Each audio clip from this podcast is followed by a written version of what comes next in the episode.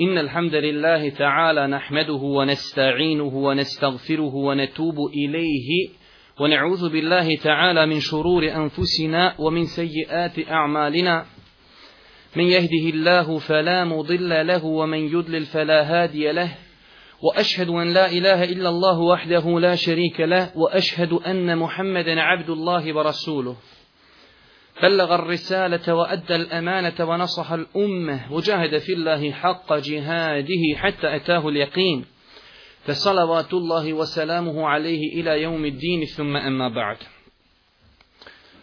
رجو ما دراغا زوني كوي يوم Ovo je naše deveto druženje u kojem komentarišemo džibri, eh, hadis Džibrila alaihi salatu wasalam, a ujedno to je 11. druženje i predavanje u sklopu ove zimske škole Islama 2008-2009 u kojima, ako Bog da, do proljeća pokušajmo da završimo komentar poznatog dijela imama Nevevija, 40 hadisa imama Nevevija. U zadnjem druženju, odnosno prošle sedmice u petak, govorili smo zadnju stvar koju smo spomenuli bila je šefaat za uzimanje Allahu poslanika alaihi salatu wasalam. Jučer smo imali jedno druženje zbog mnoštva onih koji nisu jučer prisustvovali. Ja ću nekoliko minuta ponoviti zbog bitnosti tematike i povezanosti sa onim što ćemo noćas govoriti, ono što smo spomenuli jučer. Nakon što smo prošlog petka spominjali taj veliki šefaat koji je od osobenosti Allahu poslanika, kada će se Allahu poslanik zauzeti kod Allah subhanahu wa ta'ala da počne obračun na sudnjem danu, postoji znači još drugih vrsta zauzimanja i šefaata. Jedna od tih vrsta jeste zauzimanje za one sljedbenike Allahu poslanika koji su počinili na Dunjaluku velike grijehe. I kazali smo juče da po pitanju tog zauzimanja postoji razilaženje kod sekti koji se smatraju islamskim, znači koji za sebe tvrdi da su u okviru islama i muslimana. Što se tiče stava ehli sunneta, on je da svi ljudi, muvahidi, koji iskreno izgovore šehadet iz svoga srca, da će ako Bog da uči kada tad u džennet. Neće vječno ostati u džehennemu ako budu kažnjeni. Normalno znači šefatom i zauzimanjem da li poslanika ili na bilo koji drugi način. Dok je bilo neki sekti koji su otišle u krajnost pa su kazali ako čovjek jednom uđe u džehennem nikada neće izići iz džehennema i na čelu tih sekti jesu poznate Haridžije, a nisu daleko od njih i također jedna poznata svima nama sekta Mu'tezile koji su smatrali da čovjek počinioc velikog grijeha na ahiretu ako uđe u džehennem nikada neće izići iz džehennema. To smo argumentovali vjerodostojnim hadisom koji ga zabilježio imam Ebu Davud i Tirmizi sa vjerodostojnim lancem prenosilaca da je Allahu poslanik kazao šefaati li ehlil kebairi min ummeti moj šefat, moje zauzimanje za počinioce velikih grijeha iz moga ummeta. I kazali smo da neispravno ili nesvatanje ove tematike može i na ko prouzrokovati mnoge onaj probleme ako čovjek počinioca velikih grijeha smatra nedjernikom, što je bio stav znači Haridžija. Također kazali smo da postoji i druge vrste zauzimanja. Jedna od tih zauzimanja jeste da će Allahu poslanik se zauzimati kod svoga gospodara nakon što mu je obećao da će u džennet uvesti 70.000 sljedbenika Allahu poslanika ali se ratu selam u džennet bez polaganja računa, Allahu poslanik se zauzimao kod uzvišenog Allaha, pa mu je obećao, kao što je došlo u vjerodostojnim hadisima, da će mu na svaku hiljedu dati još sedamdeset hiljada. A ima vjerodostojni predaja, koji ših Albani rahmetullahi alihi ocjenio vjerodostojnim, da će na svakog pojedinca od sedamdeset hiljada doći još povećanje sedamdeset hiljada. Znači to je opet razlog za uzimanje Allahu poslanika alaihi salatu wasalam. Također Allahu poslanik će se zauzimati za oni koji umru u Medini, strpe se na iskušenjima Medini pod uvjetom kao što je došlo u tom hadisu in kane muslimen, čovjek ako bude musliman i živi u Medini i strpi se na njenim iskušenjima, Allahu poslanik alaihi salatu wasalam kaže bit ću mu šefađija i svjedok na sudnjem danu. Također Allahu poslanik će se zauzimati za one koji su u džennetu, da im se povećaju deređe. Također Allahu poslanik će se zauzimati za svoga Amidžu Ebu Taliba koji je preselio kao nevjernik. I ne može se znači inače je pravilo da se za nevjernike ne može zauzimati. Ali to je od osobenosti Allahovog poslanika i Allah ga počastio time da će se zauzeti za svoga Amidžu i kaže Allahu poslanik Le'allahu tenfe'uhu šefa'ati, možda će mu koristiti, kaže moj šefat, do te mjere, kaže da će biti u džehennemu, samo do koščice, ali ćemo od toga ključati mozak. Također smo spomenuli juče načine kako čovjek može da uradi neko djelo i da potpadne ili zasluži šefat Allahu poslanika. Pa smo kazali prvi način jeste da nakon ezana prvo ponavlja čovjek za ezanom, nakon toga donese salavat na poslanika alihi selam i zatim traži od Allaha da podari Muhammedu alihi selam el wasile, pa Allah poslanik kaže, el vasile, to je deređa u džennetu koja ne doliči osim jednom robu. Kaže, nadam se da ću ja biti taj rob. Kaže, ko meni bude tražio el vasile, kaže, njemu je obavezan moj šefat. Također, Allah poslanik kaže, kada ga je upitao Ebu Hureyre, ko je, kaže, es'adun nasi bi šefa'atik, ko je najsretniji, ko je najprioritetniji tvog šefata i zauzimanja na sudnjem danu, kaže, onaj ko rekne la ilaha illallah iskreno iz srca, Kaže, taj će biti najsretniji mojim šefatom. I zadnja stvar od dijela koja mogu uzrokovati da čovjek zasluži šefat jeste mnoštvo seđdi. Kada je onaj sluga Allahog poslanika kazao Allahom poslaniku želim da se zauzimaš na sudnjem danu za mene, kaže Allahov poslanik, inni ala nefsike bi kesrati suđud, pomozi meni u tome mnoštvom seđdi. Znači, ako hoćeš da se ja zauzimam za tebe, pomozi, kaže meni, mnoštvom seđdi.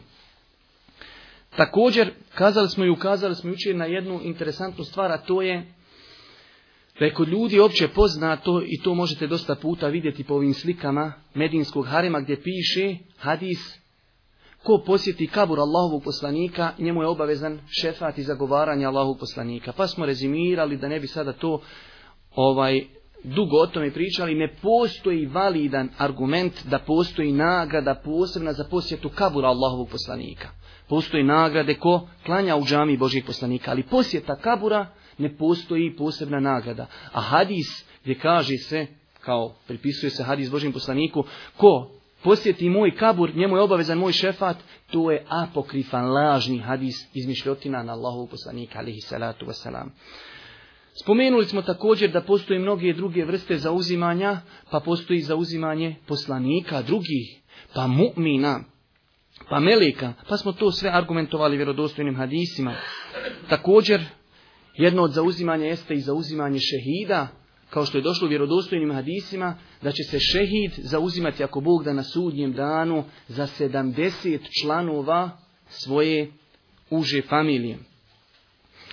To je, braćo moja draga, nešto što sam ja htio da ponovimo ako Bog da od jučerašnjeg predavanja. Nakon toga mi idemo dalje tim nekim hronološkim redom, pokušajemo držati red, ali ne mora znaći da je to uvijek tako. Govorimo o sudnjem danu. Znači, nakon što smo rekli, ljudi su u kaburovima, proživljeni, okupljeni, šefat za uzimanje, dolazi nam na red silazak kuzvišnog Allaha te baraka wa ta'ala da bi obračunavao svoje robove na sudnjem danu. Zašto ovo spominjemo? Interesantno je spomenuti da ima sekti, ima ljudi koji su dali prednost razumu na čerijatskim dokazima, pa nisu ove stvari mogli shvatiti. Braćo moja draga, kada govorimo o ahiretu, moramo, nažalost, dat sebi takve smjernice da samo uzimamo ono što je došlo u hadisima. Razum tu nema mjesta. Zato ako nam Allah Đelešanu i njegov poslanik kažu Allah će se spustiti, mi mora da vjerujemo da će se Allah spustiti. Ako budemo davali prednost razumu na čerijetskim dokazima, onda ćemo otići u zabludu u koji su otišle mnoge sekte. Znači, mu'min treba da vjeruje kako bi njegovo vjerovanje bilo potpuno i kako bi to ojačalo njegov iman da će Allah te baraka wa ta'ala spustiti se na zemlju kako bi, znači on lično svojim bićem, kako bi obračunavao, znači svoje robove ono što su radili. Kaže uzvišeni Allah na više mjesta u Kur'anu jasno. Kella iza duke ardu deken deka vođae rabbuke. Vođae rabbuke.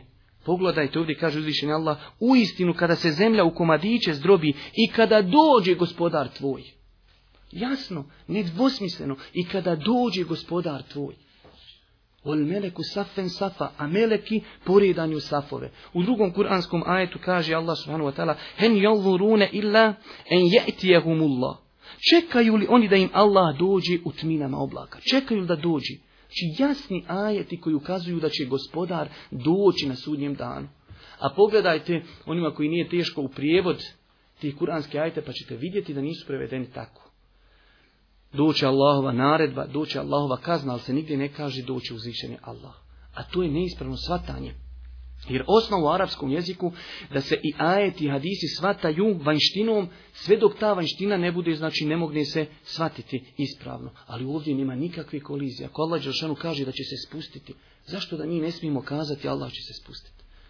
Ima potrebe da mi govorimo spustit će se Allahova naredba ili Allahovi meleki, kad Allah Đelešanu kaže, spustit će se uzvišeni Allah subhanahu wa ta'ala. Također postoji hadisi Allahu poslanika, za koje kaže imam Ibnul Qayyim, ovo spuštanje na zemlju na sudnjem danu je potvrđeno mutevatir predajama. Toliko je predaja koji ukazuju da će se uzvišeni Allah spustiti, da su to mutevatir predajem. Zato kažemo učenjaci ehli sunneta za razliku od određenih skupina i sekti koje su odabrale drugačiji pogled na dokaze od ehli sunneta, kažu Allah će se spustiti onako kako njemu doliči. Kako mi to ne znamo, ali znamo da će se on spustiti onako kako njemu subhanahu wa ta'ala dolikuje. Također, od pitanja koja se vezuju za sudnji dan, a potrebno je da ih znamo zato što možete naići na nekoga ko će pokušati možda da vam unese sumnju, a to je da li će ljudi mu'mini vidjeti gospodara na sudnjem danu. Pa ćete vidjeti ljudi da se boje da kažu da će mu'mini vidjeti gospodara na sudnjem danu. Zašto? Ako postoje validni dokazi. Uđuhu jeume idin nadira ila rabbiha nadira. Tog dana, kaže, neka lica će blistava biti gledaći u svoga gospodara.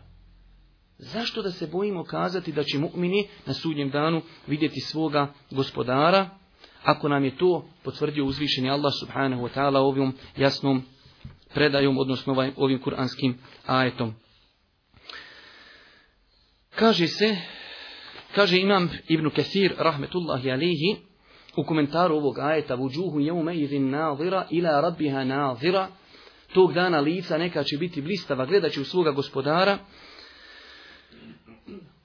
on spominje da će mu'mini svojim očima, svojim očima vidjeti uzvišnog Allaha subhanahu wa ta'ala i da su predaje također o tome dostigle granicu tevatura.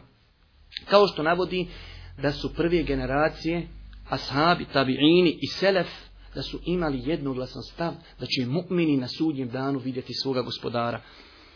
I zaista je čudno kako ljudima je šeitan prišao da su tako jasne hadise i ajete odbijali pod nekim izgovorom da je to znači poređivanje Allaha s njegovim stvorenjima. Mi kažemo oni će vidjeti gospodara. Kako Allah Đelešanu zna? Pogledajte ovaj hadis koji je zabilježio Buharija i Muslim. A sahabi kažu Allah, Allahom poslaniku, hel nera rabbena jeumel qiyame, hoćemo li mi, kaže, vidjeti našeg gospodara na sudnjem danu? Jasno pitanje, ko, ko dan?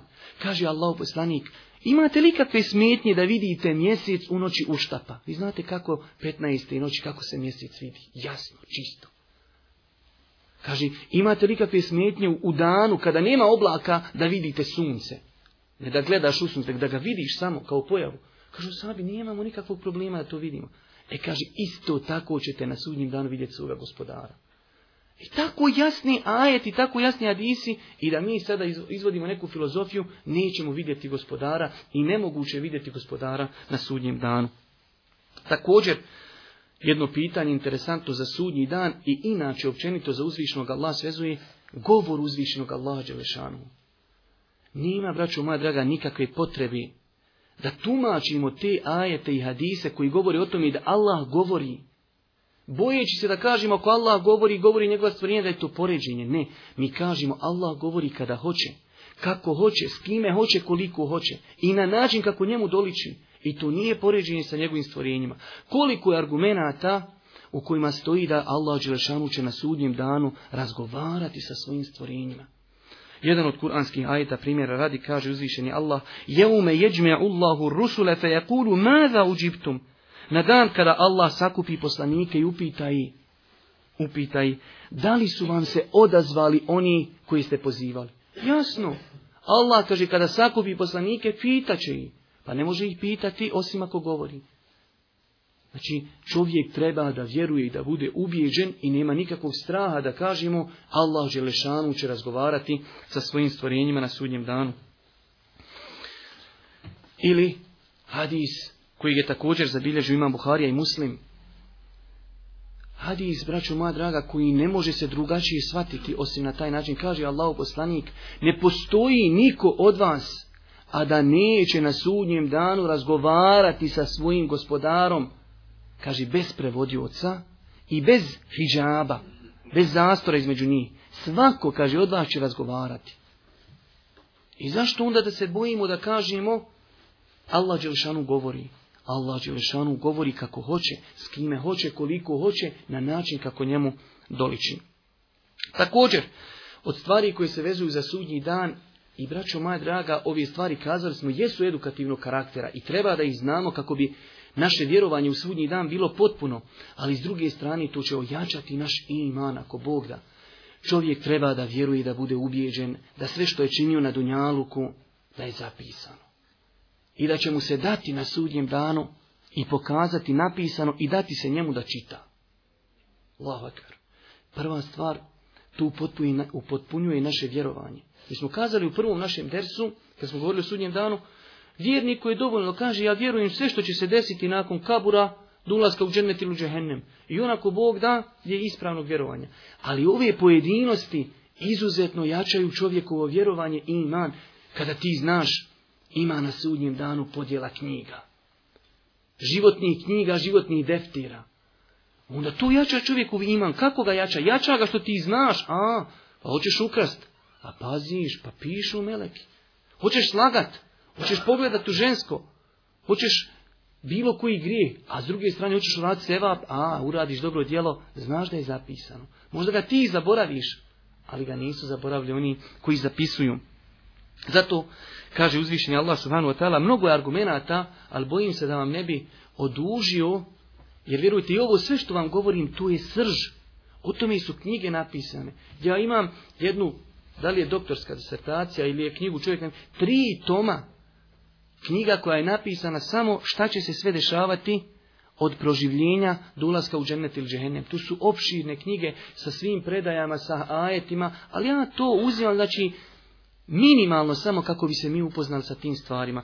Kaži, uzvišeni Allah potvrđujući to da će stvari sve biti upisane, Kaži, Em jahsebune enna la nesme sirrahum wa neđuahum bela wa jektubun. Zar oni misle da mi ne čujemo ono što oni samo razgovaraju i kako se međusobno dogovaraju? Čujemo mi, a i zaslanici naši koji su uz njih zapisuju. Kaže, naši zaslanici zapisuju. Ma jelfidhu min illa raqibun atid. Oni neće izustiti jednu riječ, a da nije krajnji njih onaj koji bdije. Znači, braćo moja draga, sve na dunjaluku što se uradi zapisano. I sve će to biti prezentovano nama na sudnjem danu. Evo jednog hadisa, nakon interesantnog, koji potvrđuje isto da se dijela zapisuju. Kaže jedan ashab koji se zove Rifa'ata ibn Rafi'a. Jedne prilike smo klanjali sa poslanikom alihi salatu wasalam. Kaže, pa kada se podigao Allahu poslanik sa rukua, kaže, rekao je Semi Allahu limen hamide. Pa je neko da sahaba rekao, Rabbena veleke hamd, hamden kethiron, tajiben mubaraken fih. Dodao taj dodatak.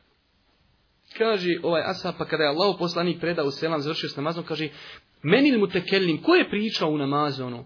Kaže, ja sam, ja sam Allahu Kaže, zaista sam vidio 30 i više meleka koji se natječu ko će prije zapisat to što si rekao. 30 i više meleka sam vidio da se natječu ko će prija da zapiše to dobro djelo koje si ti učinio. Ili drugi hadis također koji potvrđuje činjenicu da će djela biti zapisana, kaže se u vjerodostojnom hadisu koji izvježima muslim, Meleki reknu svome gospodaru, kaže, gospodar, ovaj tvoj rob, hoće, kaže, da uradi zlo.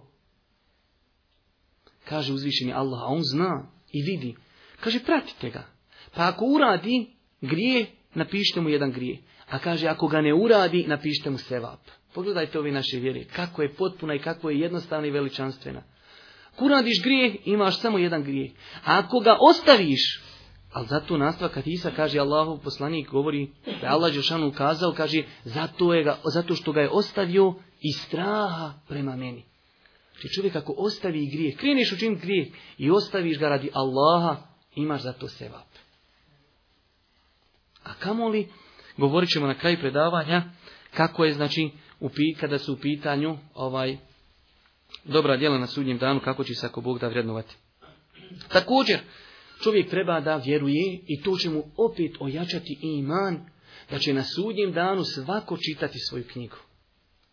Sve ono što su ti meleki zapisali i kad si bio sam i kad si bio na primjer, imate u Saudijskoj Arabiji običaj, kada dođe ljeto, ljudi putuju u inozemstvo, ne uzubila kako bi činili grijehe. Odoši na ljetovanje, ode u Francusku, ode u Njemačku, ode u Italiju i tamo da, da izvinete, kurva se i svašta radi. Mogu si se sakti na dunjalku, možda da tvoja rodbina ne zna, ali meleki sve zapisali. I na sudnjem danu, kaže uzvišenje Allah u suri Al-Isra, Iqra kitabek. Evo, tog dana će biti svakom od vas rečeno, Iqra kitabek, uči, čitaj svoju knjigu. Svako će čitati ono što je radio i svi slušaju. Na to kažemo, to ojačava čovjekovo vjerovanje. Ili imate kuranski ajet u suri Al-Haqqa, fe emma men utje kitabehu i fe kulu, ha umukra'u kitabije, inni vanento enni muraqin hisabije. Kaže, onaj kom je dadnu knjigu u desnu ruku, on će kazati, evo moje knjige, čitajte. Ja sam, kaže, bio ubijeđen da ću polagati račun na sudnjem danu. Fe emma men utje kitabehu bišimalihi, ali onaj ko dobije knjigu u lijevu ruku iza leđa, Kakav će njegov? Ovaj prvi kaže, evo moja knjiga, čitajte. Dobio u desnicu, nema u njoj ništa plavo prljavo.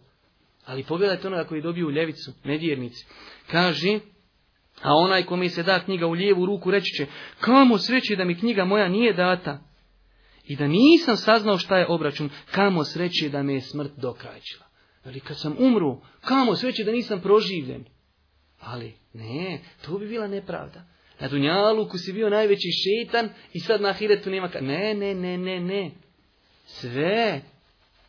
Ma jelfidu min qaul. Nijednu riječ ti nisi rekao da nije zapisana. E, doćeš ti. I buši ostali. Svi. I muslimani, i mu'mini, i čafiri, svi. Svima je zapisano. A to, to čovjeku jača iman. Hoćeš urat neko djelo, a valja ga sutra pročitati pred narodom. Znači to su dodatni faktori koji čovjeka znači hrabri, motivišu da ostane pokuran. Znači, možemo rezimirati također kazati što tiče podjele knjiga i uzimanja knjiga, vjernici će uzeti svoju knjigu u desnu ruku, a nevjernici u lijevu ruku iza leđa. Nakon toga, nakon što se podijeli knjige, nakon što se čitaju knjige, dolazi hisab. Dolazi obračun. Pogledajte kako to sve ide podjela knjiga, čitanje knjiga. E sada dolazi hisab, pa će doći poslije toga, ako bude u sljedećem predavanju, vaganje. Postavit će se Terezije i vaganje. Što se tiče hisaba, mnogo argumenata koji potvrđuju činjenicu da će se na sudnjem danu, braćo moja draga, žestoki i precizni računi polagati. Kaže uzvišeni Allah subhanahu wa ta'ala, mi ćemo na sudnjem danu ispravne Terezije postaviti, pa se nikome krivo neće učiniti. Ako nešto bude teško koliko trun, zrno gorušici, mi ćemo zato ili kazniti ili nagraditi. A doista to što ćemo mi računati, a doista je to što ćemo mi, a dosta je to što ćemo mi račune ispitivati. Dosta je to čovjeku što će mu Allah Đelešanuhu njegove račune ispitivati. To je čovjeku dovoljno. Imate poznati kuranski ajet svima nama. Femen jamel miskale zarratin hajran jara. Ko uradi trun dobra, polovina datuli, vidjet ćete u Adisu, čuvajte se, kaže, vatri pa makar sa polovinom datuli. Na hadis, nismo ga uspjeli, li, uspjeli dopuniti zbog žurbe malo početak hadisa, svako od vas će razgovarati sa svojim gospodarom, bez prevodioca. Kaže, pa će pogledati desno, neće vidjeti ništa osim svojih dijela. Pa lijevo ništa osim svojih dijela, a ispred sebe, kaže, vatru. Pa kaže Allah poslanik, itaku nara alau bi temra, čuvajte se vatri, zaštite se, kaže, pa makar s polovinom datuli. Šta je datula? Polovina datule još manji ali možeš udjeliti sadaku deset feningi, daj mi deset feningi. Jer ne znaš čime se možeš i na koji način zaštititi od vatri. Također, poznati ajet kojeg mi dosta puta slušamo po džamijama, ali ne znamo njegovo značenje, lillahi ma fi sena fil ard. Koliko puta smo slušali taj kuranski ajet. Wa in tubdu ma fi enfusikum, tuhfuhu yuhasibukum bihillah. Kaže, Allahu je ono što je na zemlji na nebesima. ono što je u grudima vašim, vi to ispoljavali i sakrivali. Juha, sibkum bihila. Allah će vas za to obračunati. Sve će se to na sudnjem danu svesti računi. To su samo neki argumenti, želim da samo argumentujemo to što govorimo da će biti hisab, da čovjek vjeruje, da se priprema. Kaže se tamo također u mnogim hadisima se spominje hisab, polaganje računa. U jednom od tih hadisa koji zabilježima muslim, Stoji, kaže Allahu poslanik, polagao je račun jedan čovjek koji živio prije vas. Pa kaže, nije nađeno da je uradio bilo kakvo djelo dobro, osim što je, kaže, bio imućan, ali se miješao sa ljudima. Pa kaže, davao ljudima ljudima uzajam. Pa kada bi, kaže, došao neko, znači ko ne može vratiti dug od tih njegovih upošljenih, pa bi kazao ne mogu vratiti dug, on bi rekao kaže te zu anhu, zaobiđite ga, halalte mu.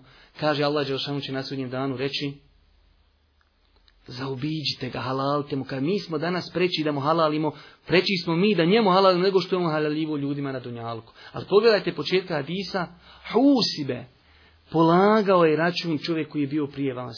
Znači ovaj Hadis nam je jedan dokaz da će se polagati računi i mi i ljudi iz prijašnjih naroda.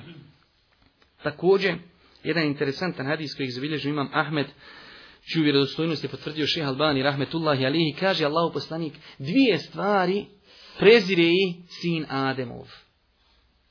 Dvije stvari prezire sin Ademov. Smrt.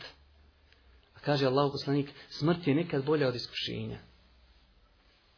I druga stvar, kaže, sin Ademov prezire sakar, siromaštvo. A kaže siromašći lakše položiti račun na sudnjem danu. Pogledajte, ovdje ovaj, zašto smo ovaj dokaz citirali? Kaže, siromasi će lakše položiti račun na sudnjem danu. Znači, bit će polaganja računa. A pogledajte, mudrost i lotke Allahu poslanika. Kaže, dvije stvari ne voli sin Ademov. Prva, smrt. A kaže, nekad je bolje i umrijeti nego da budeš iskušan pa padneš na iskušenjima. I druga stvar, siromaštvo. Ali kaže, siromaštvo je nekad bolje jer će ti biti lakše položiti račun na sudnjem danu. Također, interesantno je spomenuti, treba čovjek da vjeruje u to i da zna da na sudnjem danu, kada bude taj fisa, polaganje računa, da će tu biti, braćo moja dragi, sa svjedocima. Mi smo jednu vrstu svjedoka spominjali kada smo govorili o suri Jasin, a to je da će protiv ljudi njih svjedočiti njihovi ekstremiteti njihove, ruke, njihove noge, njihove oči, njihove uši. Kaže Allah Đelešanu u suri Asim, baš govori o tome, tog dana ćemo zapečatiti njihova usta, pa će govoriti njihove oči, njihove uši, njihove noge, njihove ruke, njihove kože. Kad smo govorili o proživljenju, i to kože koje budu proživljene sudnjim dan, to su ove naše kože.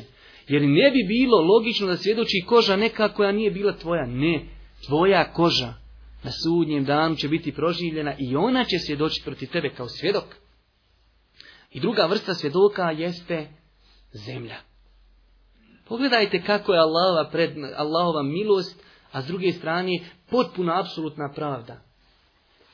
Evo ti svjedoci protiv tebe, od kojih se nisi mogao sakriti. Se mogu sakriti od svoje koži? Nigdje. A jesi mogu otići negdje?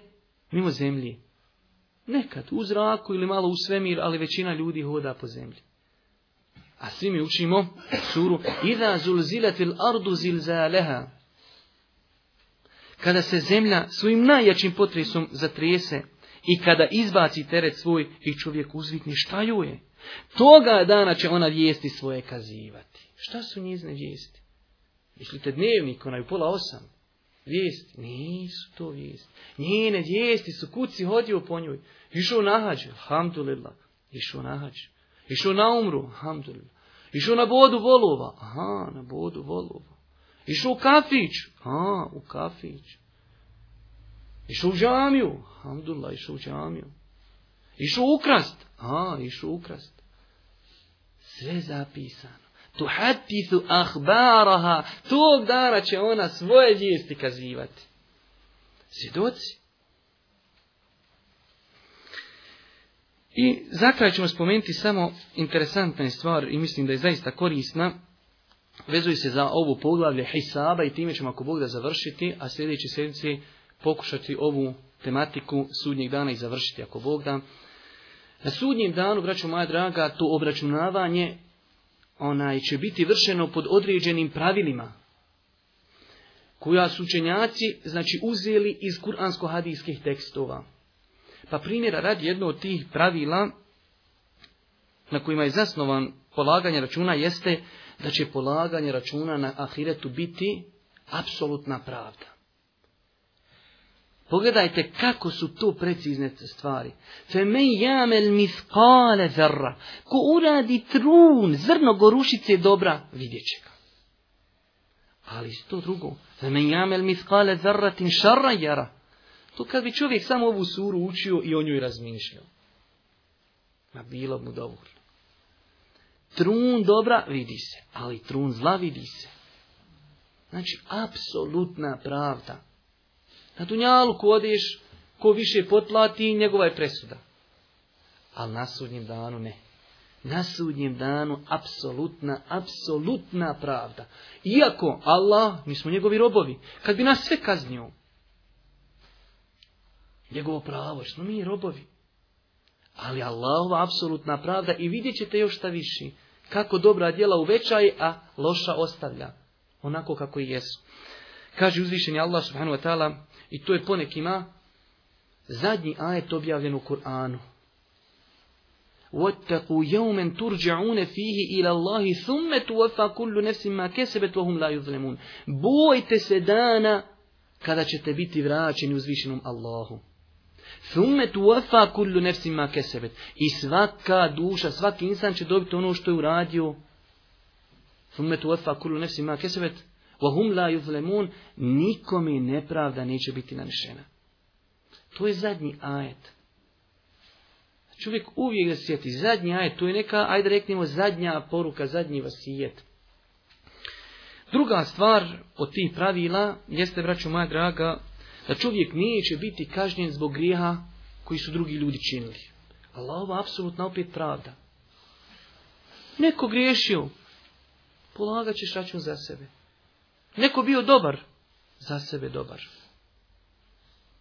Jer kako bilo čovjek mora podnositi, znači, tuđe greške. Na Dunjalku to se dosta puta dešaje. Ne ti kakav proces, svako, onako. Ni kriv, ni dužan. A na hiretu nema šta. Bio dobar, dobar. Bio loš, loš. Nemaš ništa sa drugima. Mnogo je kuranske ajeta koji to potvrđuju. Kaže uzvišenje Allah subhanahu wa ta'ala. Nijedan griješnik tuđe grijehe neće nositi. I da je čovjek ovo samo ono što je uradio i da će se njegov trud sigurno iskazati. Znači, nijedan griješnik neće odgovarati za tuđe grijehe. Mnogo je kuranske ajeta koji potvrđuju ovu činjenicu. To normalno ne isključuje da čovjek ako je radio hajr i pozivao ljude u hajr, da će imat nagradu onu koju oni radi a da to neće umanjiti ništa od njihovih dobrih djela i suprotno. Ako je neko podzivao u dalalet i zabludu, imat ćeš grijeha koliko su oni imali ono tebe sljedeće. Jer što svi nagovaru u to. I to ne isključuje, znači, ono što smo spomenuli, da čovjek neće odgovarati za tuđin. Ako si bio spreman pozivati, e tako trebaš biti spreman i da prihvatiš. Ako si pozivao u dobro, sve se vape koje oni imaju, imat ćeš ako Bog da i ti. Ali ako si pozivu u šeitanluk i dalalet i zabludu, sve što oni čini, ćeš i ti, a ništa neće umanjiti od njihovi kazni. I to nam potvrđuju više hadisa, dva hadisa koji zabilježili imam muslim, kaže, men senne fil islami ten hasene, ko islam uvede, znači, ali ovdje se misli, znači, ko oživi neki sunnet koji je zamru, a ne uvede novotariju, koji islam oživi neki sunnet koji je zamro u prakticiranje. Kaže, imat će nagradu oni koji prakticiraju taj sunnet koji je on podstakao da čini, a neće ništa umanjiti od njihovih nagrada. A isto tako koji islam oživi nešto loše, neki grije, će, kaže, grije svi oni koji ga u tome budu slijedili, da neće od njihovog grijeha i kazne ništa umanjiti. Također, poznati svima vama hadis da je Allah poslani kazao nikada neće na Dunjalku biti bespravno ubijstvo učinjeno, a da Ademovom sinu neće biti od toga malo udjela. Zato što je Ademov, alihi salatu wasalam, sin prvi koji je bespravno ubio nekoga. I svi drugi koji su se ugledali u njega, do sudnjeg dana, kogod ubije bespravno, ide i njemu na žiro račun. I zato, znači, tu je jedan vid i blagodati. Znači, Allah ti dao mogućnost, pozivaj ljude, poduči svoju djecu, hajru. Sutra ti umriješ, tvoje dijete nastavi klanjati. Pa možda tvoje dijete postani sutra učenjak. Sve što on radi, ako Bog da ono što si ga ti podučio, imaš ti sevap. Koga god on dalje poduči, imaš opet ti se sevap. Ali isto tako, ko budeš išao šeitanovim putem, kogod bude tebe slijedio i druge generacije, non stop tebi kapaju grijesi. Treća stvar od tih pravila, znači ono što smo spomenuli, od pravednosti Allah subhanahu wa ta'ala jeste da će ljudima na sudnjem danu biti predočena njihova djela. Evo ti, uvjeri se ono što se možda zaboravio čovjek, ali ne nisu zaboravili. I zadnja stvar, ako se ne vara, da je zadnja stvar od ovih pravila koja su na kojima se zasniva polaganja ahiretskih računa jeste da na ahiretu, braću moja draga, kao plod Allahove apsolutne pravde i milosti jeste da će se dobra djela uvećavati, a grijesi stoje onako kako jesu. I to ne samo to. Dobra djela će se uvećavati minimalno desetorostruko. Čovjek uradi dobro djelo minimalno što će dobiti deset puta veću nagradu onoga što je učinio. I koliko je argumenata koji potvrđuju to da će se na sudnjem danu dobra djela desetorostruko uvećavati. Imate kuranski ajd Allah Đelšanu kaže Men bil haseneti lehu ašu emthaliha. Ko uradi dobro djelo, desetorostruko će biti nagrađen. Kur'anski ajet jasan. Imate hadis Allahu poslanika koji je također vjerodostojan gdje kaže Allahu poslanik ko prouči harf iz Allahove knjige dobit će deset sevapa. Znači, samo jedan harf, deset sevapa. Pa kaže Allahu poslanik, ja ne kažem elif, la, mim je jedan harf, već kažem elif, harf, lam, harf, mim, harf. Samo kažeš elif, la, mim, 30 sevapa. Jer su to tri harfa. I za svaki drugi harf imaš deset sevapa. Interesantno je spomenuti jednom, davno sam ja spomenuo ovaj hadis, i znam da je bilo nekih momaka koji su ga od tada počeli prakticirati, pa ne bi Allah Đelšanu otvorio još nečije srce da počnemo prakticirati ovaj hadis.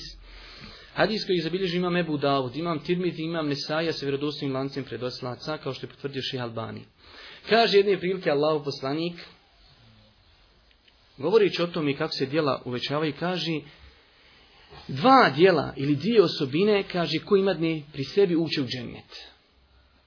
ekber, kako je to dobar početak. Kaže, ta dva djela ili te dvije osobine su izuzetno lake, ali s druge strane malo ljudi koji to prakticiraju. Aj, sad još više insana zainteresuje. Prvo, ko ima da je to pri sebi Drugo, kaže, lako za prakticirat, ali je malo ljudi koji to prakticiraju. Pa gdje da vidimo šta je. Kaže Allah poslanik alaih salatu wasalam, kažite nakon svakog namaza u toku dana deset puta, nije 30, deset puta subhanallah, deset puta alhamdulillah, deset puta Allahu ekber. Nakon jednog namaza 30 znači puta. 5 puta, danas 5 namaza, to je 150, jel tako? I kaže Allah poslanik, to je 150 na jeziku, ali je, kaže, hiljadu i pol kod gospodara. Hm, dobro. Pa nastavlja Allah poslanik. Kaže, kada neko od vas odi leći spavat, neka rekni, sto puta subhanallahu, alhamdulillah, wallahu ekber. Znači zajedno skup svega toga da bude sto puta. 33 puta subhanallah, 33 puta alhamdulillah i 34 puta Allahu ekber. Kaže to je sto puta. Jest. Ali kaže sto puta na jeziku, a hiljedu kod gospodara. Što znači sa onih tamo starih hiljadu i po i ovih hiljadu, dvije i po hiljade se vapa. Kaže Allah poslanik, ko od vas može u toku dana uraditi dvije i po hiljade grijeha? Pogledaj, matematika čista, hadis vjerodostojan. Ko od vas, kaže, može uraditi dvije i po hiljade grijeha dnevno? Dobro, u redu. E sad dolazi onaj kako kažu Arapi, istifsar, pitaju Asadi. pa dobro Allah poslanik, pa što je malo ljudi koji, kaže, to da prakticiraju, sve tako to lako ide. E, kaže, vidite, Stiče ovoga poslije namaza. Ovo sad ja malo ubacujem svoje priče, ali hadis takav. Kaže, šeitan dođe čovjeku, kaže, poslije namaza, pa mu kaže, sjeti se ovoga, sjeti se onoga, idi tam, idi vam. I kaže, čovjek ode i ne upravići taj zikr. Svidli kod nas danas poslije džume. Čovjek izleti iz džamije i stoji pred džamijom. Pa sjedi Bog ti dao sam tri minute i deci po deset puta i izađi. Dok hođa selam, ali hođa ne preda na drugu stranu selam, već tam kod vrata kuža. Požuri tam, požuri vam, požuri gor, požuri dole, odnijeći cipele, odnijeći te ovo, odnijeći ono i ostabe se vapa. A kaže što se tiče ovih koji legnu spavat, kaže dođe mu šetan i neće, kaže, prestati da ga uspavljuje, kaže, dok ga ne uspava, on nije učio zikr. Ne čovjek dok legne, on sam ga zahuca dva, tri puta, ma ti počneš Allah lajla, ali upola ga, ti sutra pa nije ga uspio završiti. Začeste uspava. I zato je, kaže, malo oni koji prakciraju, a tako lako da dvije i po hiljade se vapa svaki dan zaradiš, a kaže, ko od vas može raditi dvije i po hiljade grija u toku dana? Kao, ne može niko. I zato ćeš ući u zato što će dobra djela prevagnuti loša. Ali ovaj hajdis je pojenta zbog onoga što smo citirali, gdje kaže Allah poslanik sto na jeziku, a hiljada kod Allah, znači puta deset. Sve ide puta deset. Poznat isto hadis vjerodostojnom hadisu Isra i Mirađu, kada je Allah poslanik zadnji skraćivanje broja namaza, kaže pet, ali inda Allahi hamsun, ali kod Allaha 50. Mi, alhamdulillah, kanjamo pet namaza dnevno, ali kod Allaha se to broji 50. Pet puta deset. I to je minimalno uvećavanje dobrih dijela na sudnjem danu a imamo maksimalno povećavanje i čak možda može ići i dalje do stotina puta. Čovjek uradi jedno dobro djelo, uveća mu se do 700 puta. Kaže uzvišenje Allah u suri Al-Baqara: "Meselu alladhina yunfiquna fi ke habatin anbatat sab'a sanabil fi kulli Primjer onih koji troši svoje metke na Allahovom putu je primjer zrna. Iz njega kaže iznikne sedam klasova, a u svakom klasu stotinu zrne sedamstotina. Da je to tako, potvrđuje nam, znači da to ne bi shvatio neko, da je to onaj neka filozofija, potvrđuje nam drugi hadis koji izbilježi muslim, da je Allahom poslaniku došao čovjek sa devom, spremio je za džihad, potpuna oprema na njoj i kaže Allahu poslaniće, evo devi za džihad, na Allahom putu. Kaže Allahu poslanik, ti ćeš ako Bog da na sudnjem dan dobiti sedam deva, kaže takvih. Znači, djelo se uvećava za 700 puta i hadis je zabilježio imam muslim. Treba da znate, braću moja draga, taj hisab, da će biti izuzetno precizan, pitaće se za mnoge stvari čovjek. Jedna od stvari interesantnije jeste da će čovjek biti pitan za blagodati. Interesantno je spomenta jedan hadis da kaže se Prvo što će gospodar pitati čovjeka na sudnjem danu od blagodati jeste, kaže, robe, zar ti nisam dao zdravo tijelo i zar te nisam napojio hladnom vodom? Pogledajte, to mi ne osjetimo, a pitan ćemo biti za to. Kamo li za neki veći blagodati? Interesantna isto predaja, i eto nek bude da ćemo time završiti taj večerašnji naš versi i druženje. Kaže, dolazi jednom ashabu koji se zove Abdullah ibn Amr ibn El-As. Dolazi mu čovjek pa kaže, zar nismo mi siromašni, bijeda, muhađiri? Kaže njemu, ovaj ashab, kaže, a imaš li ti si sjožen, imaš ženu? Kaže, imam. Pa imaš li kuću gdje živiš? A predaje je kod imama muslima, znači vjerodostojna. Kaže, imaš li kuću? Pa imam, kaže. Pa ti si bolan, kaže, bogataš, imaš ženu, imaš kuću, šta će ti šta više? Ma kaže, bolan, imam ja i slugu. Pa kaže onda ti si kralj. Pa sam kraljevi to imaju, ima ženu, ima kuću, ima sluge. Pa ti si, kaže Boži robe, kralja, a vama mi kaže, govoriš da si siroma. Onaj, to je u nekom drugom kontekstu, ali eto, ona je bila interesantna ta neka predaja, pa nisam mogu da je ne spominim Molimo Allah Đelešanu da ono što smo čuli bude dokazom za nas, a ne protiv nas. Molimo ga Subhanu wa da nas učvrsti u ovim teškim vremenima. Molimo ga Subhanu wa da nam olakša polaganja računa na sudnjem danu. Molimo ga subhanahu wa ta'ala njegovim lijepim imenima i svojstvima da olakša našoj braći muslimanima u Palestini i na kraju subhanaka Allahumma wa bihamdike. Ešhedu in la ilaha illa ente stagfiruke wa etubu ilaha.